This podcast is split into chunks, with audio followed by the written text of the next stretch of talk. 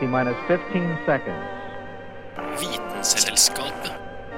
T minus 10, 9, 8, 7, 6. We have main engine start.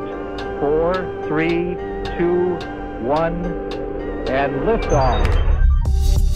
Vitenselskapet. Vitenselskapet på Radio Nova.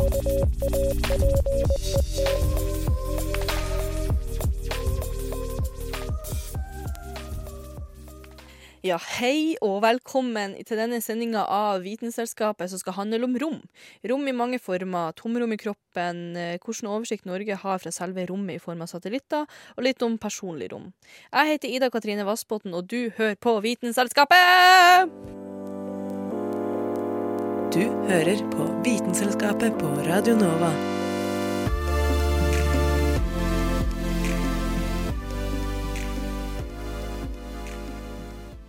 Hva syns du om at en person står rett i trynet på deg og snakker til deg? Det kommer kanskje litt an på om det er din beste venn, mor di eller en fremmed, men har du noen gang tenkt på hvorfor du trenger litt sånn personlig distanse eller personal space, da, og hvorfor dette føles forskjellig fra person til person som kommer nært?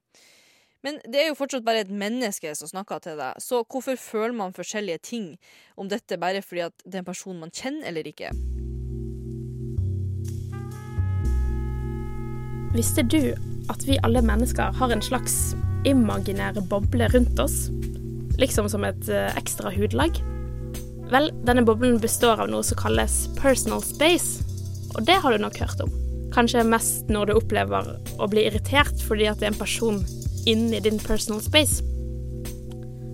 Denne boblen ble først beskrevet av antropologen Edward T. Hall i 1966. Han studerte amerikanske menn og hvordan de var i forhold til andre folk. Og ut ifra det så klarte han å beskrive denne boblen rundt oss. Den består av fire forskjellige regioner. Du kan se for deg at det er du som står i sentrum av denne boblen, og rundt deg er det ringer. Litt som å ha på seg en badering. Den innerste baderingen er mer eller mindre klistret inntil deg. Den neste baderingen må være større, sånn at den kan omringe den baderingen du allerede har på deg. Og sånn må det være for neste og neste. Den innerste regionen kalles intim distanse, og denne er for nære venner og familie, og er på ca. 1-2 cm ut fra deg. Deretter kommer personal space, som er for venner. Denne er ca. på en halv meter ut fra deg. Etter det kommer sosial distanse, som er for bekjente og fremmede mennesker. Og den ytterste er for offentlige snakkere, som forelesere eller en person som snakker til et større publikum. Denne kalles for offentlig distanse og er på rundt fire til åtte meter. Størrelsen av disse imaginære boblene rundt deg er forskjellig fra person til person.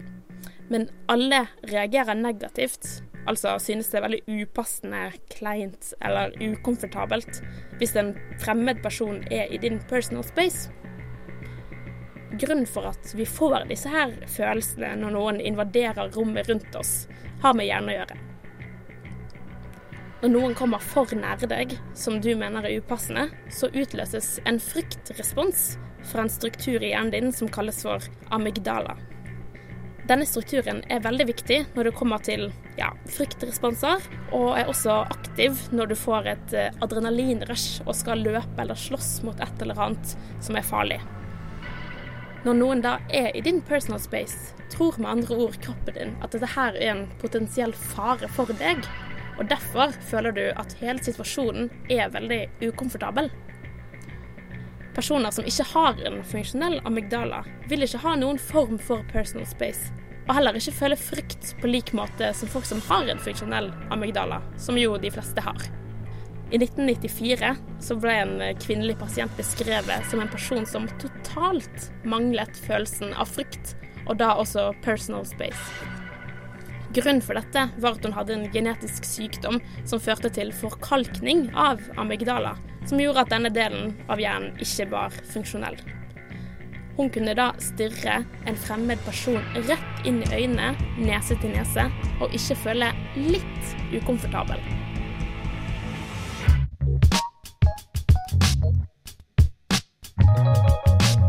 Dette med personal space tar jo vi hensyn til i de fleste tilfeller i hverdagen.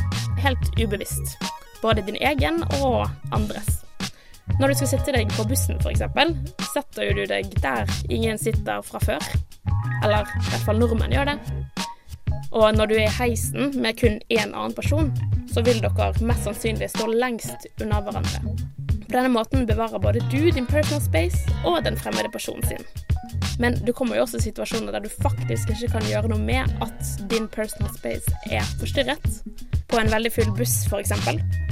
Men det du gjør da, er jo å unngå å komme i øyekontakt med noen som er litt for nære.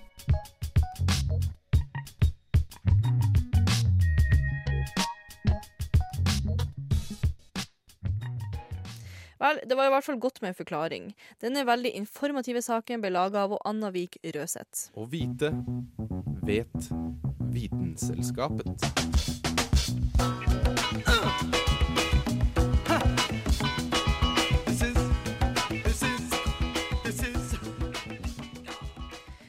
Nå skal vi videre her i sendinga og lære litt om de som har lært oss så mye.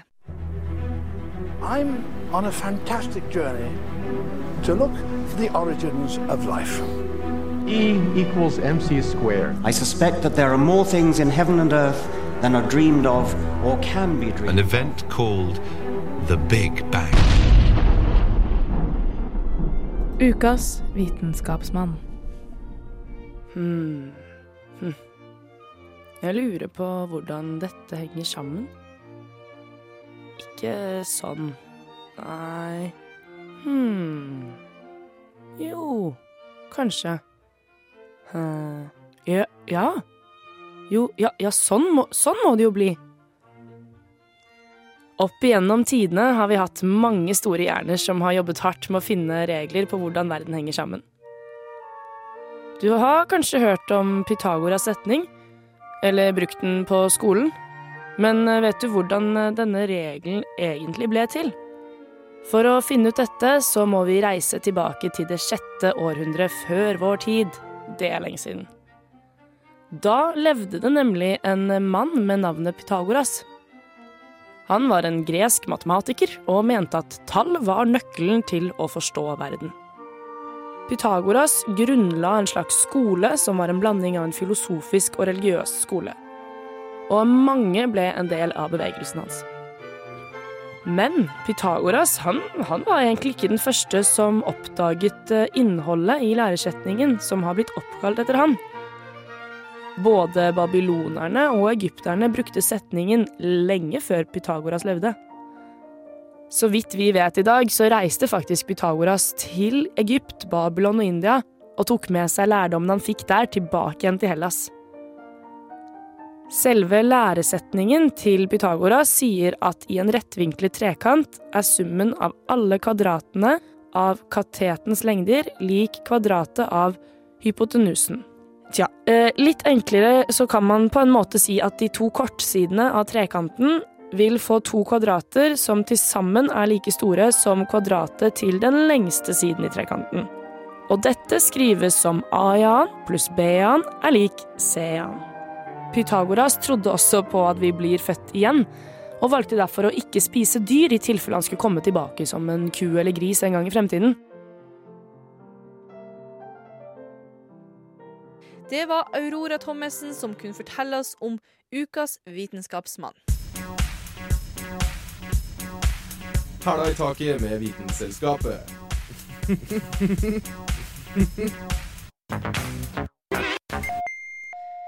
I dag er det ca. 2500 operative satellitt... I dag er det ca. 2500 operative satellitter i bane rundt jorda. Men hva brukes egentlig det her til? Det vet i hvert fall ikke jeg. Vi har tatt en tur til Norsk Romsenter for å finne ut av akkurat det.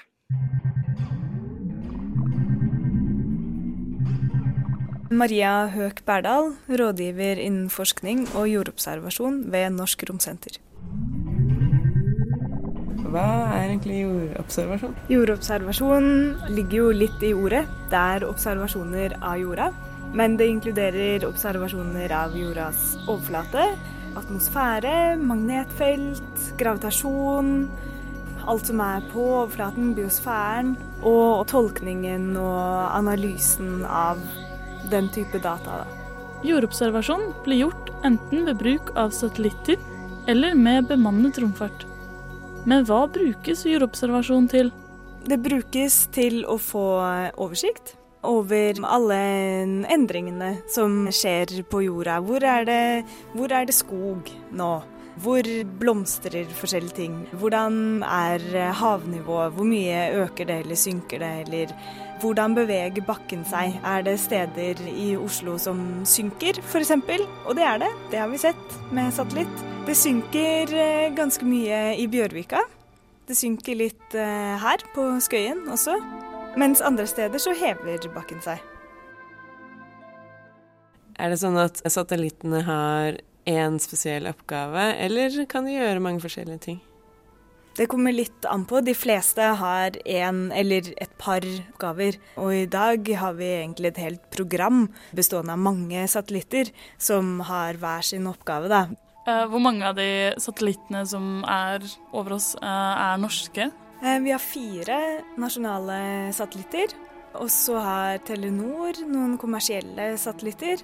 Men så er vi jo også med i internasjonale samarbeid. Hva er det man fokuserer på i observasjoner av Norge? Ja, Norge forvalter eh, store havområder, så fokuset vårt er jo mye på hav. Trygg ferdsel på hav, eh, miljøovervåkning av hav. Oljesøl f.eks., det kan vi se fra satellitt. Ja, og vær, da. Været på havet. Et av de internasjonale programmene Norge er med i, er Copernicus-programmet. Copernicus-programmet er et romprogram, men også et helhetlig jordobservasjonsprogram. Så de driver med in situ-målinger, altså målinger på steder, og også med forskjellige modeller. Og så har de seks kjernetjenester, som er land, hav, atmosfære, klima, sikkerhet og katastrofehåndtering. Men hvordan brukes egentlig satellitter til krisehåndtering? Da kan man bruke en tjeneste f.eks. som heter eh, Rapid Mapping. Så kan du få innen ja, et døgns tid da, eh, et kart over flommen. Hvis du er interessert i å gjøre dine egne tolkninger, kan du gå inn på satellittdata.no, hvor alt av observasjoner og bilder er tilgjengelig for offentligheten. Og det var Kristin Grydland og Julianne Fjell som hadde laga denne reportasjen. Vitenselskapet. Vitenselskap. Vitenselskapet. Vitenselskapet. Vitenselskapet. Når jeg sier rom, så tenker du kanskje rommet du er i. Men det er faktisk tomrom i nesten alt rundt deg. Så hvis du føler deg veldig tom på innsida, så eh, finnes det en forklaring. Du består av 37 billioner celler. Inni hver celle er det omtrent like mange atom. Du er altså logga av en utellbar hurv med enkeltatom, og så mange må jo ta opp en del plass. Oppbygginga til et atom er i sin enkleste form et proton i midten og et elektron som kretser rundt. Plassen imellom er relativt sett veldig stor. Det er nemlig 99,9999999999996% tomrom inne i hvert atom. Alt er egentlig ingenting. Men vi klarer jo å både se og samhandle med verden rundt oss. Det er noe som gjør at tomrommene ikke sklir over i hverandre. Og det er det oss veit sitt ytterst, nemlig elektronet. Sjøl med et enkelt elektron vil ikke to stoff overlappe en. Hvordan kan ett elektron klare det? Se for deg ei vifte. Når den ikke står på, er det lett å stikke hånda inn i tomrommet mellom bladene og se at det er tomt. Men står vifta på, er å stikke hånda inn plutselig en dårlig idé. Det samme kan en si for elektronet sin del. Elektron svirrer rundt protonet. men ikke på samme måten som jorda går rundt sola. På det mikroskopiske nivået her er det sånn at sannsynligheten bestemmer. Her kommer det inn fysikk som er vanskelig å relatere til. Elektronet kan nemlig sees både som en partikkel, men òg som ei bølge. Slik ljos er både en partikkel og ei bølge. Bølgefunksjonen til elektronet gjør at det er overalt og ingen steder samtidig, og det er det som tar opp plassen. Det er elektronene som skiller atomene fra hverandre. Som du kan se på magneter, støter minus og minus fra hverandre. Det samme gjelder for elektron, som alle er negativt ladde. Det betyr at de aldri kommer borti hverandre. For din del betyr det at du aldri har gjeven under en klem. Du har aldri hatt ei krone i hånda, og du svever over bakken.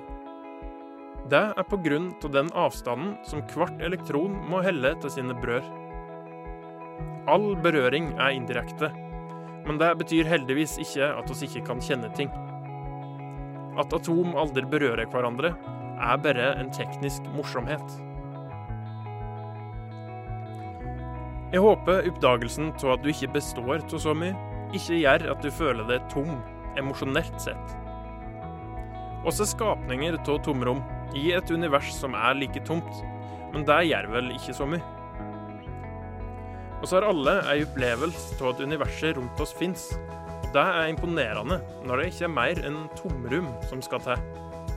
Så ta tak i din nærmeste venn og gi hen en klem.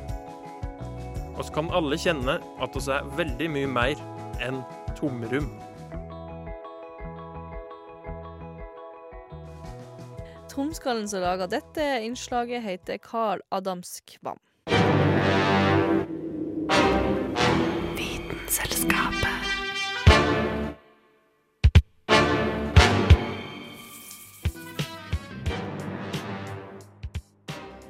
Tenkt på hvor følelsene sitter hen i kroppen?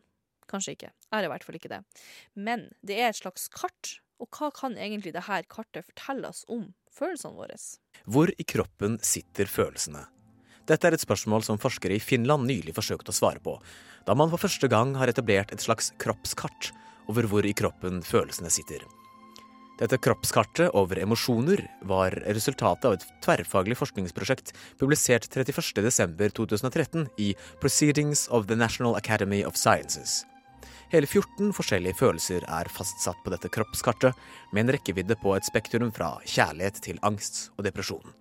Det viser seg at disse følelsene er korrelert ikke bare i styrke, men er spasialt fordelt utover kroppen, der sterkere følelser er knyttet til sentrale deler av kroppen.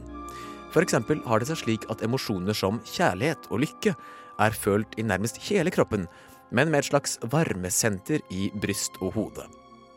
Men før vi går videre rundt i kroppskartet, la oss ta en innføring i følelsesvitenskap.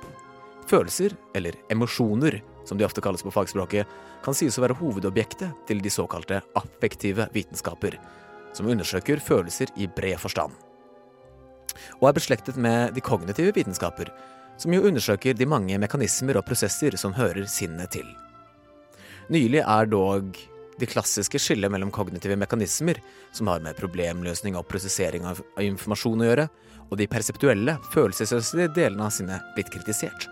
Kanskje har det seg nemlig slik at visse kognitive prosesser må ha en affektiv komponent ved seg for å i det hele tatt fungere.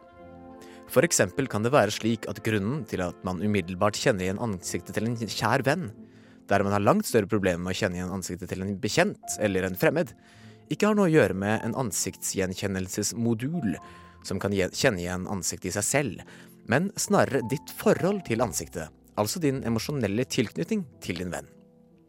For å komme tilbake til spørsmålet om hvor i kroppen følelsene sitter, så kan dette nettopp dermed bli sett som et langt fra trivielt spørsmål, da det kan være med på å si oss noe om, om følelsenes natur. Vi tenker jo kanskje på følelsene slik at det er noe internt som skjer i hjerne-sinn-matrisen, for deretter å få en kroppslig manifestasjon i form av prikking i fingrene. Jeg begynte å bli redd og kjente prikking i fingrene. Eller jeg ble svært glad og kjente latteren komme. Men en innflytelsesrik og kontroversiell teori presentert ved overgangen til det 20. århundre, kjent som James Lang-modellen til følelser, vender opp ned på denne oppfatningen. For James og Lang er følelsene intet annet enn kognisjonens fortolkninger av kroppslige tilstander. Det er ikke dermed slik at vi skjelver fordi vi er redde, men at vi er redde fordi vi skjelver. Vi ler ikke fordi vi er glade, men vi er glade fordi vi ler. Hvis dette høres rart ut, kan det ha noe å gjøre med den måten vi er vant til å snakke om følelser på i det moderne vestlige samfunn, som indre reaksjoner på ytre hendelser, indre reaksjoner som dernest får sitt kroppslige utløp fra senteret hjernen slash sinnet. Men kartleggingen av følelsene i kroppen er en utvidelse av James Lang-teorien, og har i andre områder av kognitive vitenskaper fått flere forskjellige artikulasjoner. Det har seg nemlig slik at kroppen, nervesystemet, det endokrine system og hjernen har komplekse feedback loops som er gjensidig avhengige av hverandre for den pågående og vedvarende funksjonen. For å understreke poenget mer filosofisk, så kan vi si med Wittgenstein at raseriet til en annen person ikke er gjemt bak den rynkende pannen, de knyttede nevene eller den stramme munnen, men er manifestert i selve kroppsspråket. Det beste bildet på den menneskelige sjel er den menneskelige kropp.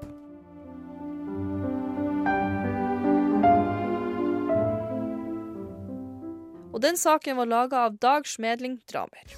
Vitenselskapet. Vitenselskap. Vitenselskapet. Vitenselskapet. Vitenselskapet. Siden vi nå snakker om kropp og ikke er inne på sporet i det hele tatt, la oss snakke om klamydia. For at det er jo faktisk julebordsesong nå, og eh, noen ting kan kanskje ikke nevnes for ofte.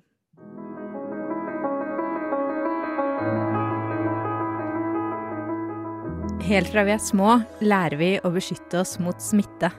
Ikke klem nabojenta med lus i håret. Hold noe foran munnen når du hoster. Og husk å bruke badesko i gymsaldusjen. Gulvet er jo fullt av fotvorter. Når vi blir eldre, så lærer vi å beskytte oss ved sex. Husk å bruke kondom. Men det er grunnen til at vi ikke skulle klemme nabojenta, holde oss foran munnen ved hosting og bruke badesko i dusjen, var for å begrense smitting av henholdsvis hodelus, forkjølelse og fotvorter. Så gjemmes ofte grunnen til å beskytte seg ved sex bak det litt diffuse begrepet kjønnssykdommer. Alle vet at man helst bør unngå å smittes. Men teknisk sett, hva er egentlig seksuelt overførbare infeksjoner, som det heter på fagspråket? En av de aller vanligste kjønnssykdommene i Norge er klamydia. Klamydia det smittes gjennom en bakterie, klamydia trachomatis. Klamydiabakterien lever som en parasitt i slimhinneceller. Og hvis man plasserer en klamydiabakterie utafor en slimhinne, f.eks. på et eh, toalettlokk eller en hånd, så vil bakterien dø en veldig rask død. Bakterien kan derfor bare reise fra vert til vert, eller menneske til menneske, via kontakt med slimhinner, som vi finner i urinrør, skjede, anus og øye. Så for de av dere som har hørt at man kan få klamydia i øyet, det stemmer. Faktisk kan klamydiabakterier i øyet gi kronisk øyebetennelse, som kan føre til blindhet. Og i verden som helhet så er denne type kronisk øyebetennelse en av de vanligste årsakene til blindhet. I Norge derimot er det mange år siden klamydia har ført til blindhet. Et eh, vanligere sykdomsforløp her er at bakterien angriper cellene ved urinrøret, skjeden eller anus, og fører til svie, smerter og utflod. Eller bakterien gir ingen symptomer i det hele tatt, som er tilfellet for over halvparten av kvinnene som får klamydia. I sjeldne tilfeller så kan klamydiabakterien spre seg opp til livmor, eggledere og eggstokker, og forårsake bekkeninfeksjon, som kan føre til infertilitet hos kvinner. Eller bakterien kan angripe sædblærer, prostata og testikler hos menn. Fordi klamydia er en bakteriell infeksjon, så kan den behandles med antibiotika, i motsetning til en virusinfeksjon. Hos to tredjedeler av pasientene vil imidlertid klamydiainfeksjonen forsvinne av seg selv innen et par år uten antibiotikabehandling. Allikevel, det hadde vært digg om noen kunne funnet opp en vaksine mot klamydia, så at man kan slippe hele greia i utgangspunktet. Og akkurat det jobber bl.a. forskere i Danmark med. Målet er at vaksina skal kunne gis som en nesespray istedenfor eller i kombinasjon med en sprøyte. Det er nemlig antageligvis en forbindelse mellom slimhinnene i nesa og slimhinnene i underlivet. Og forskerne tror at de aktive stoffene i nesesprayvaksinen vil kunne reise til cellene i underlivet som er utsatt for klamydiabakterien. Reisen fra nese til underliv er imidlertid lang, og krever at vaksinestoffene klarer å forsere flimmerhår, slim og immunsystemet til lungene. Vaksinestoffene får derfor følge på veien av positivt ladde nanopartikler, som skal hjelpe vaksinen gjennom alle hindrene i kroppen, som en slags personlig livvakt. Men før vaksinen er klar, så skal den jo gjennom lange forsøk på bl.a. klamydiasmittede griser. Så det vil nok ta en stund før den er klar til bruk for oss mennesker. Derfor, husk badesko i gymsaldusjen. Ikke klem noen med hodelus. Hold deg for munnen når du hoster, og bruk kondom.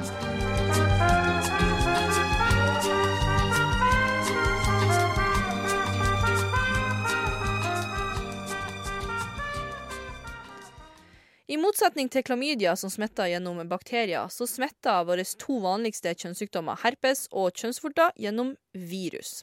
For eksempel så smitter kjønnsvorter gjennom en variant av humant papillomav...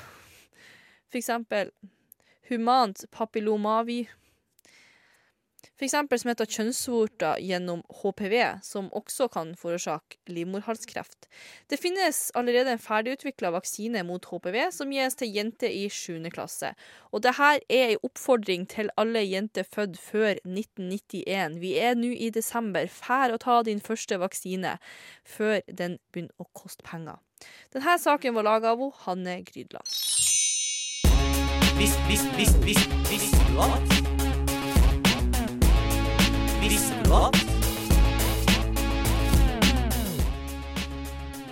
Visste du at graviditet kan føre til bedre syn? Forskere er fortsatt usikre på grunnen, men peker på varierende væskekonsentrasjon i linser og høyere blodsukker som mulige grunner.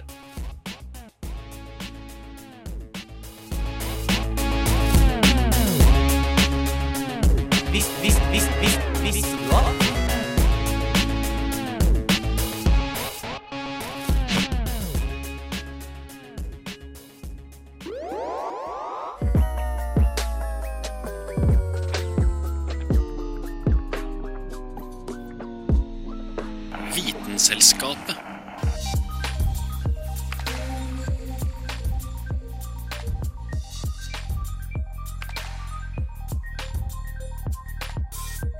Ja, da var denne sendinga av Vitenselskapet over til slutt. Og jeg kjenner at det er tomrom inni meg.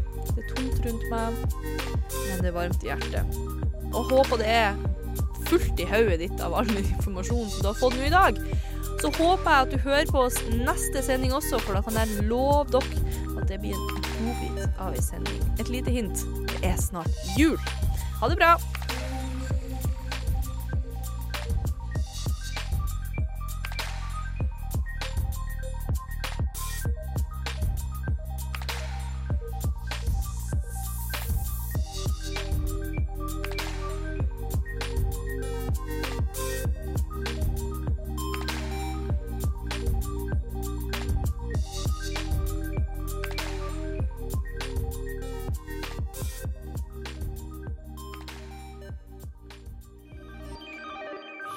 Vitenselskapet.